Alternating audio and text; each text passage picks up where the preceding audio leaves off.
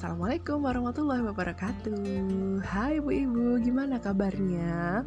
Masuk bulan ketiga di tahun 2022 Semoga tetap sehat badan dan sehat mental ya.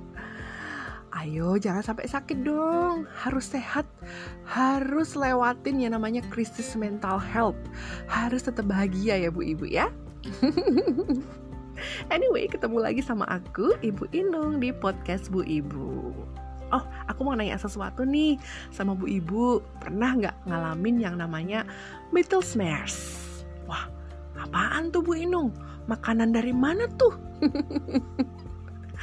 Agak asing ya istilahnya tapi yang jelas ini bukan makanan dari luar negeri bu. Apalagi makanan dari salah satu pelosok desa di Indonesia. Aduh bukan bukan Mittelsmers itu istilah medis yang berasal dari bahasa Jerman yang kalau diartikan ke bahasa Inggris itu akan menjadi dua kata yaitu middle dan pain. Diartikan lagi ke bahasa Indonesia berarti sakit di tengah-tengah. Wah, tengah-tengah apa ya? Tengah-tengah hanya apa ini yang sakit? Atau di tengah-tengah mana nih? Di tengah jalan? Di tengah laut. Sakit di jalan maksudnya. Sakit di tengah jalan. Sabar bu. Sabar sabar sabar. Yang jelas I'm gonna share my story about this metal smares nah, aku juga bakalan nge-share uh, artikel yang sedikit membicarakan tentang metal smares ini. Ya apa sih itu metal smares yuk kita kulik bareng-bareng. Pertama metal smares itu berasal dari bahasa Jerman Uh, mungkin Bu Ibu mau menuliskan katanya dengan lebih jelas. Aku ejain ya. Sudah siap? Hurufnya adalah M I T T E L S C H M E R Z.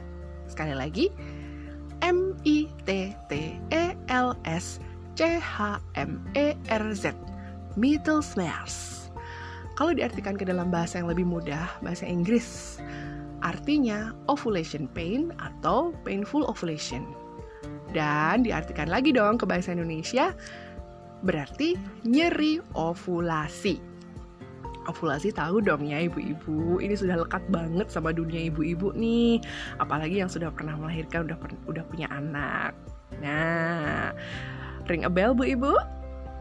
Tapi apakah itu nyeri ovulasi? Pernah nggak bu ibu ngalaminnya? Atau mungkin uh, pernah ngalamin tapi nggak ngerti istilahnya? Oke, nyeri ovulasi itu maksudnya adalah nyeri yang dialami oleh beberapa perempuan selama waktu ovulasi, biasanya berkisar di daerah pelvis atau perut atau abdomen bagian bawah. Nah, mungkin sudah inget ya bu ibu ya. Oh, aku dulu juga ngerasain itu tapi yang seperti apa ya? Bukannya itu kayak mens? Oke, okay, sedikit aku share artikel dari internet dari WebMD yang menyebutkan bahwa nyeri ovulasi ini bervariasi rasanya, Bu. Mulai dari yang ringan sampai ke tingkat ketidaknyamanan yang sangat mengganggu, yang biasanya berlangsung selama beberapa menit sampai beberapa jam. Dan biasanya dirasakan di satu sisi perut saja atau di abdomen atau di pelvis di mana bervariasi setiap bulannya tergantung dari ovarium yang mana yang akan melepaskan sel telur selama siklus tersebut. Kan ovarium ada dua tuh, ada kiri dan juga ada kanan. Nah, kadang-kadang sakitnya itu hanya di salah satu sisi saja. Gitu. Kira-kira siapa sih yang bisa ngerasain middle smash ini? Menurut artikel tadi, nggak banyak tapi memang betul beberapa perempuan mendapatkan rasa nyeri ini setiap bulan dan itu menjadi satu pertanda bahwa kita para perempuan itu sedang dalam masa ovulasi. Masa ovulasi tahu dong ya Bu ya, masa pelepasan telur dari ovarium. Oke, okay? ring a bell ya Bu ya. Nah, dari artikel yang sama juga disebutin bahwa salah satu penyebab nyeri ovulasi ini adalah karena proses pelepasan telur. Maksudnya gimana tuh? Hmm, jadi gini bu, saat telur itu berkembang di ovarium, telur itu kan dikelilingi oleh cairan folikel. Nah, selama ovulasi, sel telur itu dan cairannya plus beberapa darah di sekitarnya itu dilepaskan dari ovarium. Diyakini nih, cairan atau darah ini bisa mengiritasi lapisan rongga perut dan menyebabkan rasa sakit, nyeri, itu tadi. Rasa sakitnya biasanya akan segera hilang sih setelah telur itu dilepaskan atau setelah tubuh menyerap cairan atau darah itu tadi.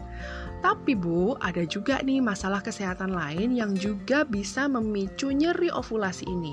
Kayak misalnya kista ovarium, endometriosis, penyakit kelamin, dan kehamilan ektopik atau kehamilan di luar kandungan. Oh, pernah ngalamin Bu? Coba diingat-ingat lagi. Jangan-jangan pernah. Atau malah justru nggak pernah sama sekali. Eh, ini pengetahuan baru ya berarti ya. Tapi kenapa sih tiba-tiba Bu Inung kok ngomongin ini? Iya ya, kenapa kok aku ujuk-ujuk ngomongin ini di podcast? Well, karena eh karena Ya tentu saja aku pernah ngalamin ini bu. Aku pernah ngalamin yang namanya middle smears. Jadi aku pernah ngalamin rasa sakit selama masa ovulasi ini. Nah, rasa sakit atau nyeri yang aku rasain ini tepatnya di abdomen bawah sebelah kanan. Ya sebelah kiri juga pernah sih tapi seringnya itu sebelah kanan. Mungkin di sebelah kanan ini lebih banyak telurnya kali ya sepertinya memang di situ letak ovariumnya yang banyak telurnya yang harus di uh, rilis gitu nah ovulation pain ini terjadi sama aku di saat memasuki masa subur yaitu 14 hari setelah hari pertama haid. Nah, mungkin ibu-ibu sekarang udah mulai menghitung-hitung nih 14 hari setelah hari pertama haid itu tanggal berapa ya? Apakah aku akan merasakan seperti Bu Inung? Tapi akan aku nggak pernah ngerasain itu. Well, for your information juga Bu Ibu, dulu sejak aku remaja aku juga nggak pernah ngalamin ovulation pain ini. I don't know why. Aku mulai ngerasain ini sejak selesai menyusui anak keempat which was in the middle of 2020.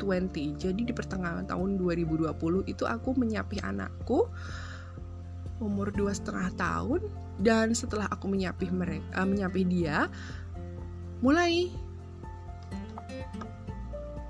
merasakan yang namanya middle smears ini.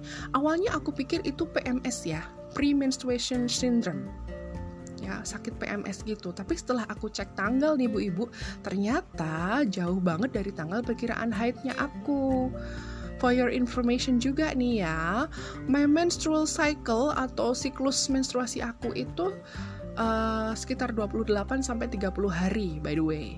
Yang artinya itu sangat-sangat normal sekali. Hmm. Jadi ya, mungkin ini normal-normal aja ya. Terus sakitnya kayak apa tuh Bu Ino yang udah pernah ngerasain ini? Sakitnya kalau yang aku rasain itu kayak kram ya, kram, kram, kram, kram waktu haid. Tapi posisinya itu selalu di bagian kanan atau kiri. Seringnya sih di bagian kanan, di abdomen bawah. Jadi bukan di tengah-tengah seperti biasanya nyeri haid itu kan biasanya di tengah-tengah. Nah ini enggak. Biasanya sih aku cuma oles minyak herbal aja bu, buat ya buat ngasih sensasi hangat gitu untuk redain nyerinya gitu kan kalau diangetin tuh biasanya nyerinya hilang ya gitu. Pakai minyak angin minyak herbal gitu. Tapi kalau sampai sakit banget aku kompres pakai botol diisi air panas. Kalau masih menjadi-jadi misalnya sampai bikin aku nggak bisa tidur itu terpaksa banget aku nelen paracetamol. Kalau masih nggak bisa tidur juga karena saking nyerinya aku nelen asam mefenamat tapi semua itu masih bisa aku handle. Dalam artian aku bisa bi masih bisa menahan rasa nyerinya itu. Bukan nyeri yang sampai aku demam gitu. Tidak. Makanya aku masih bisa menghandle itu. Masih bisa uh, pakai obat over the counter ya. Maksudnya kayak paracetamol sama asam mefenamat itu kan obat yang uh, memasyarakat sekali ya kan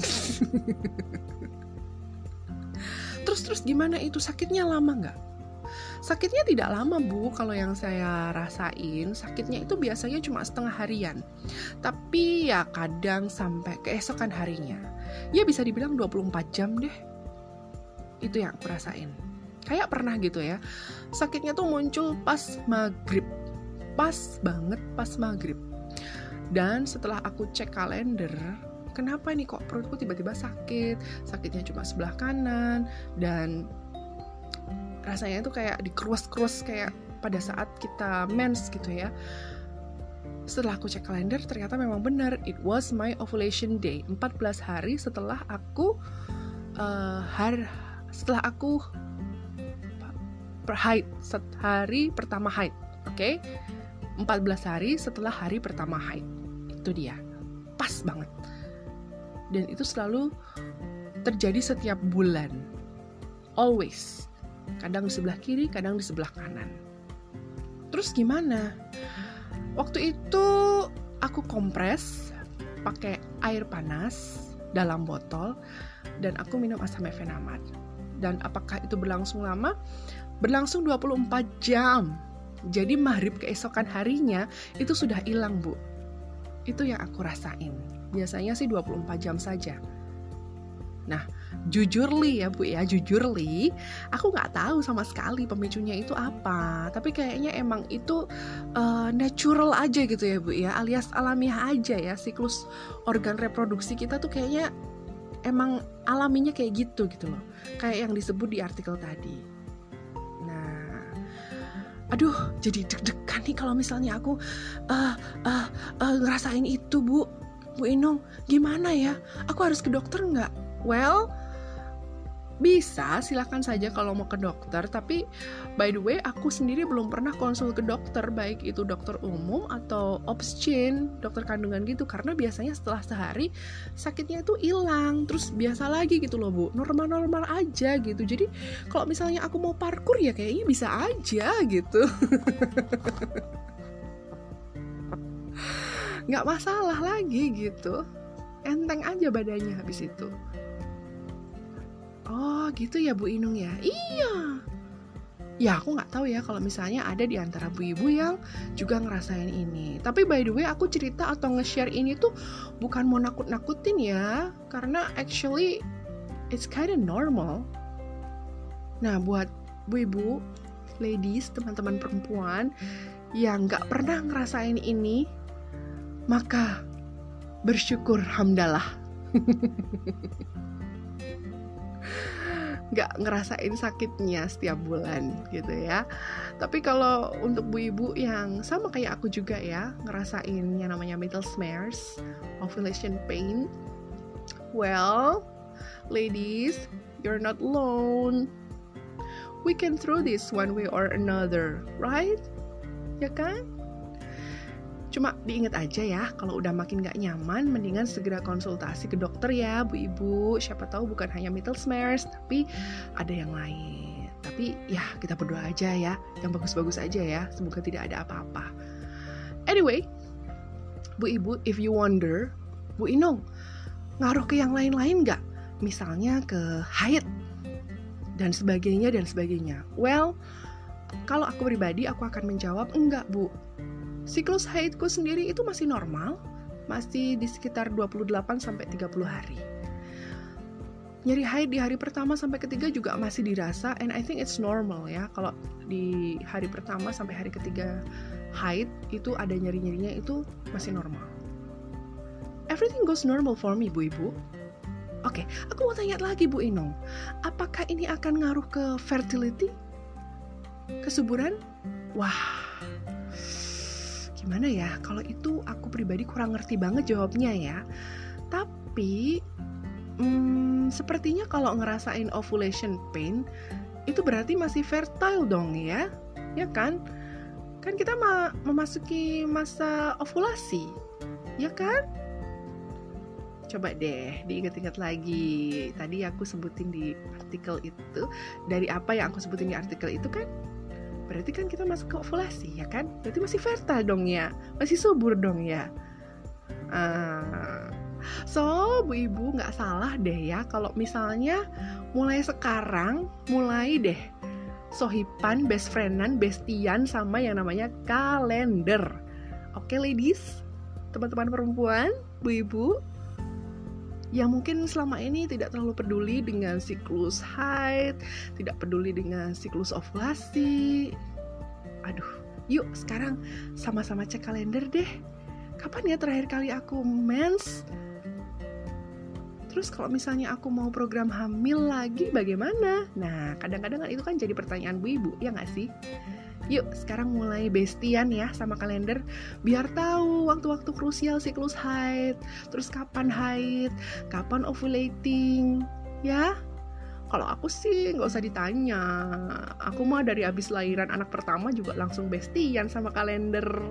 Soalnya kan aku nggak pernah pakai alat kontrasepsi apa pun. Pede banget ya, anaknya P4 deh. Oke Bu Ibu, jangan khawatir yang namanya metal smears. Don't worry about it. Kalau sekiranya sampai mengganggu sekali, langsung capcus ke dokter favoritnya Ibu. Langsung ke dokter kandungan favoritnya Ibu. Periksain yang sekiranya mengganggu yang membuat Ibu tidak nyaman. Oke? Okay? Ingat, metal smears. M I T T E L S C H E R Z. Meter Snares. Oke, okay, that's all my stories. Kita ketemu lagi ya di podcast berikutnya. Bye bye.